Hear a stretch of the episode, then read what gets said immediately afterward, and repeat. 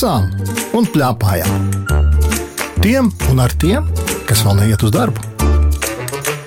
Mēs ar Paulu sēžam kuldīgā. Paulai ir astoņi gadi. Čau! Čau! Un es esmu Lauris. Mēs esam lasījuši divas grāmatas, un par šīm divām grāmatām arī parunāsim. Pirmās grāmatas nosaukums ir Bubuļu bailes. Bubuļu bailes. Kad tu izlasīji šo nosaukumu un ieraudzīji grāmatu, ko tu domāji, par ko tur būs? Es no sākuma domāju, ka tur būs tie divi tāli un bubulis. Tie divi, kas ir uzzīmēti uz vārta, ja? Jā, Un kas tad tas bubulis ir, tavuprāt? mm, zaķis. Nu, jā, šajā grāmatā zaķis, bet iepriekš tu biji dzirdējis tādu bubulis. Nu, mana ome, kad es biju mazāka, teica, ja tu neiesi gulēt, tad padakti morgos redzēsi bubuli. Un tā bija. Nē, jo es vienmēr aizgāju gulēt. Tad iznāk tā, ka Ome tev biedēja. Ja tu arī aizgāji fiks gulēt, lai nebūtu jāredz. Tāpēc tu Jā, neredzēji. lai nebūtu jāredz bubulis. Bet viņai bija taisnība, viņa viņa tev biedēja tomēr. Jā, tas bubulis pati piedēja. Tad bubulis biedēja vai vecāmām biedēja? Bubulis. Bubulis. Es no sākuma izlasīju burbuļu bailes. Es arī. Ja? Tie ir labi izklausās. Burbuļu bailes. Oh. Saki, lūdzu, tu esi vēl kādu grāmatu lasījusi par baidīšanos un bailēm? Nē. Es gan. Bet kāpēc ir tā, ka ļoti daudz ir stāstu par baidīšanos? Varbūt, lai bērniem kaut ko iemācītu. Varbūt tas ir piedraudēt un sabaidīt. Nē, kā pārvarēt, piemēram, bailes no tā. iedrošināt. Jo vispār jau bailes ir samērā daudz, vai ne? Jā, nu tad šī grāmata tieši par to arī ir. Vai tu nolasīsi kādu gabaliņu no šīs grāmatas, lai tie, kas klausās, sāk saprast, kā tā grāmata skan? Tādā biezoknī neko neatrast. Upis bija norūpējies. Pagājušajā nedēļā pazaudēju saules brilles. Līdz šim nesmu atradis. Un, ja tu palasīsi to pārsteigumu tālāk, Pa to laiku ziķera vecāki atģīdās. atģidās. Atģidās. Jocīgs vārds, vai ne? Ko tas varētu nozīmēt? Atjauta, saprata. Tad tas dara kaut kā tā. Ja? Viņi saprata, kā. Kā nav vāvarāna, bet vārnānu ģimene kā pazudis viņu dēls. Viņi pārmeklēja visu mežu, pacēla pat mazāko akmentiņu. Un tālāk trīs punktus mēs ieliekam, jo tālāk mēs nevaram stāstīt, kā tur viss tālāk bija. Traki, ka kāds pazūd? Tu esi kādreiz domājis, ka tā var gadīties. Vienu reizi man likās, kad es biju aizgājusi veikalā apstīties mantas, un mamma aizgāja pie maizes, un es domāju, nu gan es esmu pazudusi. Un kādēļ mantu dēļ bija to vērts? Mm? Vai ne? Jo mani atrada. Tevi atrada. Bet tu paskaties labas mantas. Šīs grāmatas autors ir Bens Berants, un to zīmējusi ir Vilija Kvieskaite. Saki, lūdzu, kā tev patīk zīmējumi? Man ļoti patika tie zīmējumi. Te ir ā, lācēns un, un, un vārnēns, un ir ā, zaķis un lācis. Kāds no šiem varoņiem tev visvairāk tā šķiet, o, oh, šit tas ir manējais. Man ļoti patika Lācis Bišvaldis. Lācis Bišvaldis, jā, viņam labs vārds, ne? Bišvaldis, viņš valda par bitēm. Man arī ļoti patīk šis vārds. Bet zini, ko es tev izlasīšu no šīs grāmatas? Par Lāci Bišvaldi tas tieši būs. Īsnībā tas ir par Vārnēna vecākiem. Un šeit ir rakstīts tā, Vārnēna vecāki, un tad ir raksturojums. Baidās kā ar ķirsēnu, Vārnēns sauc par ķirsēnu, Kaut kas var notikt, visur lido viņam līdzi, atļauj vienam aiziet tikai līdz tuvākajai priedei un vienmēr papūš putru, lai viņš neaplaucētu knābi. Tā vecāka ar tā dara. Viņi tomēr tik šausmīgi tev netur pie rokas, ja? kā šie vārnēni vecāki. Un tad ir šāds teikums. Tomēr ar to viņi izdara lāča pakalpojumu, jo ķirsēnam pašam būtu jāiemācās parūpēties par sevi. Saki, lūdzu, tu zini, kas ir lāča pakalpojums? Un te redzi, te uzzīmēts ir lācis, un viņš jautā, kam šeit vajadzīgi mani pakalpojumi? Hmm. Tas ir tās teiciens, ka ir lāča pakalpojums. Es nolasīšu šo teikumu vēlreiz, un tu uzreiz sapratīsi, par ko ir runa. Tomēr ar to viņi izdara lāču pakalpojumu, jo ķirsēnam pašam būtu jāiemācās parūpēties par sevi. Tas ir, ka viņi pārāk daudz rūpējās, un ja pārāk daudz rūpējās, tad tas iziet greizi, jo ķirsēns pats neko vairs nemāca. Ko mēs secinām? Tavi vecāki tev lāču pakalpojumu neizdara. Putru nepapūšu, vai tu neaplaucētu knābi? Pati papūšu. Pati papūšu, jā, jo tas ir jāiemācās darīt katram pašam. Man patika, ka arī par šiem abiem autoriem tu pamanīji, ka šiem abiem autoriem arī ir kaut kas uzrakstīts. Pašā grāmatas beigās par rakstnieku Benu un mākslinieci Viliju. Un zini, kas man šķita ļoti interesants par viņu bailēm. Rakstnieks Bens, maziņš būdams, baidījās no garas zāles un skaņām, kas nāca no tās. Tu esi baidījusies no garas zāles un skaņām? Nē, Nē, varbūt tu neesi bijusi vienkārši garā zālē. esmu. Jo tā garā zāle ir manā pagalmā. Un tad tu visu pārzini. Tad mēs ļoti vienkārši varam saprast, ja tu visu zini, tad tu arī nebaidies. Un interesanti, no kā tad mākslinieca Vilija baidījās. Es nolasīšu šo. Kad bija maza, Māma viņu sūtīja uz veikalu, lai nopērk maizi, taču maize bija uzlikta augstā plauktā. Aizsniegt bija grūti, bet pajautāt kaut kā bailīgi. Ko tu darītu? Es tomēr uzdrošinātos un pajautātu. Kādam, lai palīdzētu? Ja? Man arī tā šķiet, bet redzi, mākslinieks Vilija ir to sapratusi, ka droši vien ir jādara tāpat, kā to darītu Paula Kuldīgā. Pajautā. Saki, lūdzu, Vai ir starpība, ka cilvēks ir maziņš un baidās, un ka cilvēks paliek lielāks un mazāk baidās vai vairāk baidās? Es domāju, mazliet mazāk, jo tad cilvēks ir pieaugušāks un viņš ir mazliet drosmīgāks. Interesanti, ko tev mamma saka par šo grāmatu. Bubuļbailes man patika. Bubuļbailes lasot, bija sarežģīti vārdi, ko salikt kopā, jo galvenie varoņi bija Vāverēns un Vārnēns. Un no sākuma man likās, ka grāmata ir burbuļbailes. Vajag par bailēm rakstīt grāmatas bērniem. Noteikti, jo dažādas bailes jau no maza vecuma parādās un pārsteidz. Un visbiežāk tādos brīžos, kas pieaugušiem vairs nav saprotami, un līdz ar to pieaugušie pat var nezināt, no kā bērns baidās. Līdz ar to ir svarīgi, ka bērnu grāmatiņa ieved gan to bērnu drošības saliņā. Kad bailes nav nekas traks, un arī vecākam atgādina, ka bērniem tās bailes var parādīties nu, no jebkuras stūra. Tā kā mamma iesaka arī vecākiem lasīt šo grāmatu. Noteikti.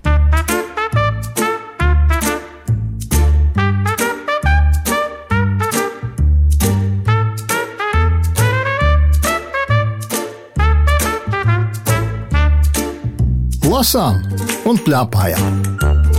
Tiem un ar tiem, kas vēl neiet uz darbu. Otra grāmata, kuru mēs abi divi ar Pauli esam lasījuši, tā ir Mika grāmata.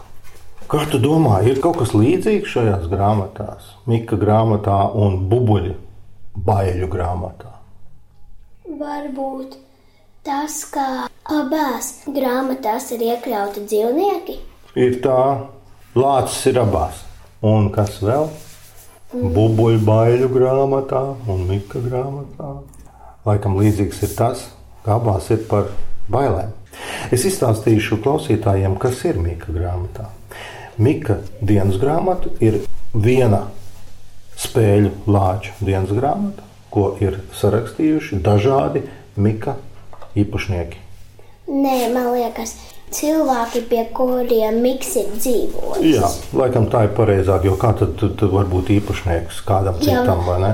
Jā, jo, ja piemēram ir viens īpašnieks, un kā tad viņš atdod citam īpašniekam? Tā īpatnība varbūt šim stāstam ir tā, ka pirmais cilvēks, pie kā Mikls ir dzīvojis, mazā meitene Ieva, Mikls sāk pie viņas dzīvot viņas sastajā dzimšanas dienā, un tas ir tālā, tālā, tālā 1941. gadā.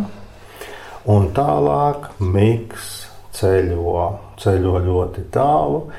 Viņš aizceļo līdz Sibīrijai, un pēc tam atceļo arī atpakaļ. Mēs to mēs varam pateikt? Ka tomēr tur tā laimīgi samērā beidzās viss. Bet tas ir šis lielais ceļojums, kurš sākās pirms 82 gadiem. Tev bija daudz ko domāt par šo grāmatu. Nu, man šī grāmata patika par to, ka tie ir par īstas dzīves notikumiem. Nevis izdomāts kaut kas. Šie ir īsti pieraksti. To taču ir rakstījuši īsti bērni, vai ne? Mēs lasām to bērnu rokrakstus, un viņi ir piezīmējuši tur šo to klāt. Kā tev bija lasīt šos rokrakstus? Man no sākuma likās, ka būs ļoti grūti, bet, kad es sāku lasīt, man nemaz nebija tik grūti. Man visgrūtāk bija šādās lapas pusēs. Tagad mums Paula rāda tādu lapas pusi, kur kāds bērns ir rakstījis ar ļoti, ļoti sliktu pildspalvu. Bet tu jau vari izstāstīt, kāpēc viņi ir rakstīts ar Jo tik tad nevarēja aiziet uz veikalu un nopirkt jaunas. Jā, jo tajā laikā šis bērns ar visu lāci miku dzīvoja mežā un slēpās no kara. Un pēc tam viņi tika iesēdināti vilcienā, aizvesti. Vai tu vari izstāstīt, kas ir Sibīrija? Sibīrija ir tāda vieta Krievijā, un tur ir ļoti, ļoti augsti. Un tas ir godīgi, ka viņi tika aizsūtīti uz to Sibīriju. Nē, jo viņi neko nebija izdarījuši. Ne Miks, ne viņa cilvēks, pie kā Miks dzīvoja, Ieva arī neko nebija sliktu izdarījusi. Kādu gabaliņu tu palasīsi no Mika grāmatas? Visās malās dzīvo kāds Mika brālāns, kāds Miks. Miks ir Miks. Vienmēr un visur, visā pasaulē. Un to raksta Rīta Rīgā 1966. gada 12. februārī. Jā, un tajā laikā bija tā, ka Mikls ar Rītu dzīvojot Rīgā, nevarēja sastapt nevienu savu radinieku, kur dzīvoja tālās pasaules malās, Austrālijā vai Aļaskā, Amerikā vai Vācijā, vienalga, kur viņi ilgojās. Un to apraksta Rīta, kā viņi abi divi ar Miklu ilgojās. Es nolasīšu to vietu, kur Ieva stāsta par to, kas notika viņa mājās, tad, kad sākās karš. Miks pamanīja pirmais. Mums nepatika abiem. Nu, nemaz nepatika, kad visi seši ienāca mājā. Neklauvēja, nedēva labdienu. Viņu valodu neviens nesaprata, un viņa aizveda Roberta onkuli līdzi sev. Māma raud, mēs ar Miku ciešamies, lai mammai labāk. Nepadodies, ja tevi noķer. Tētis Mikam stāsta. Tu piekrīti tētim? Jā, jo ja cilvēks padodas, viņš nekur tālāk netiek. Bet kur tu gribētu tikt? Es gribētu tikti noteikti uz labām atzīmēm skolā. Un tad mēs arī varam teikt, nepadodies, kā tētis stāstīja Mikam. Šeit ir ļoti neparasti grāmata, tur ir rokrakstā, tā ir rakstīta ļoti dažādos rokrakstos, un arī ir ilustrācijas. Ir lācis un ir dažādas citas, kuras ir ilustrējusi māksliniece Elīna Elere.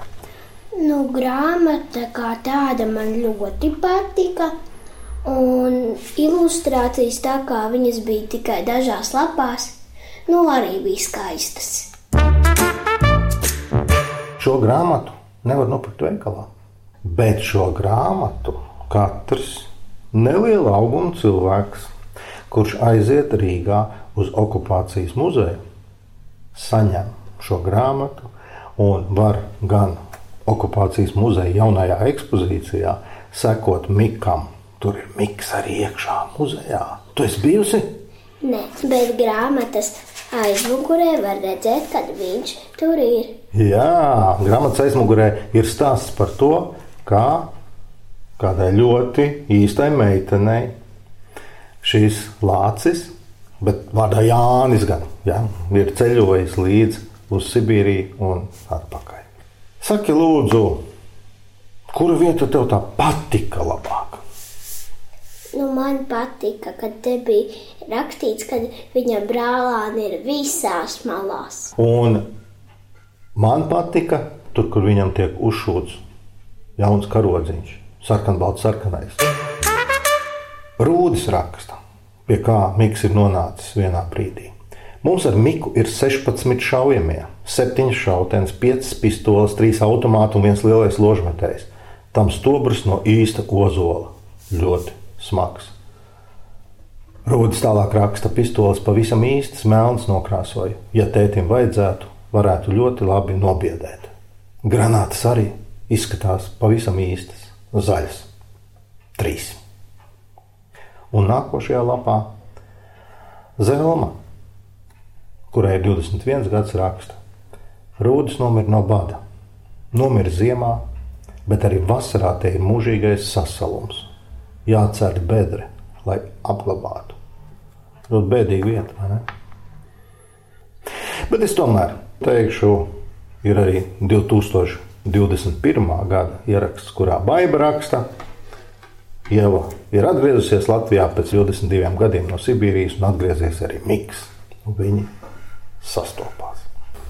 Mēs arī Ievu sarunājām kā visi kopā sameklēsim tos cilvēkus, pie kuriem Miks šajos gados ir dzīvojis, kuri viņu sastapuši, tos, kuri vēl ir dzīvi, Ieva grib pateikt viņiem Paldies! Es par to uzrakstīšu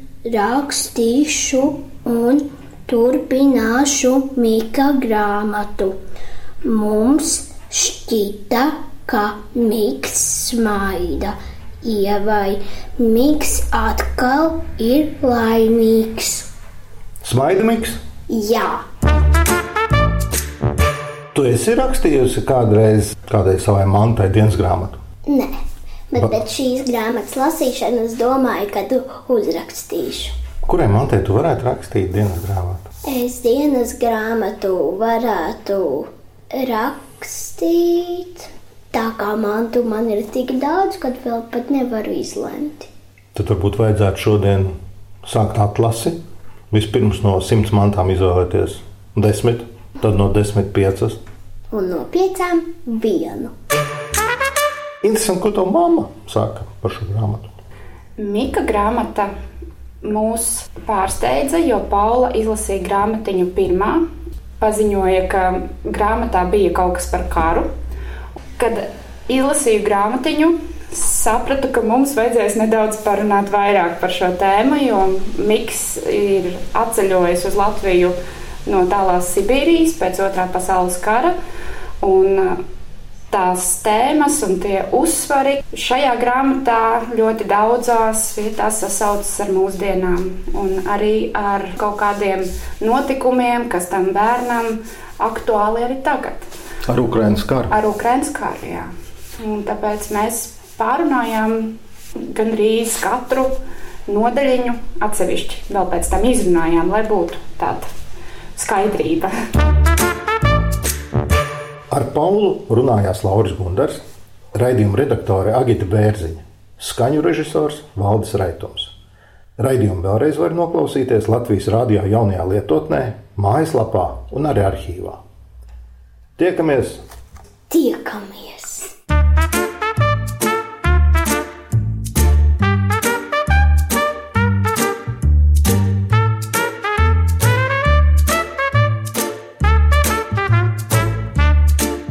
Lasām un plēpājām.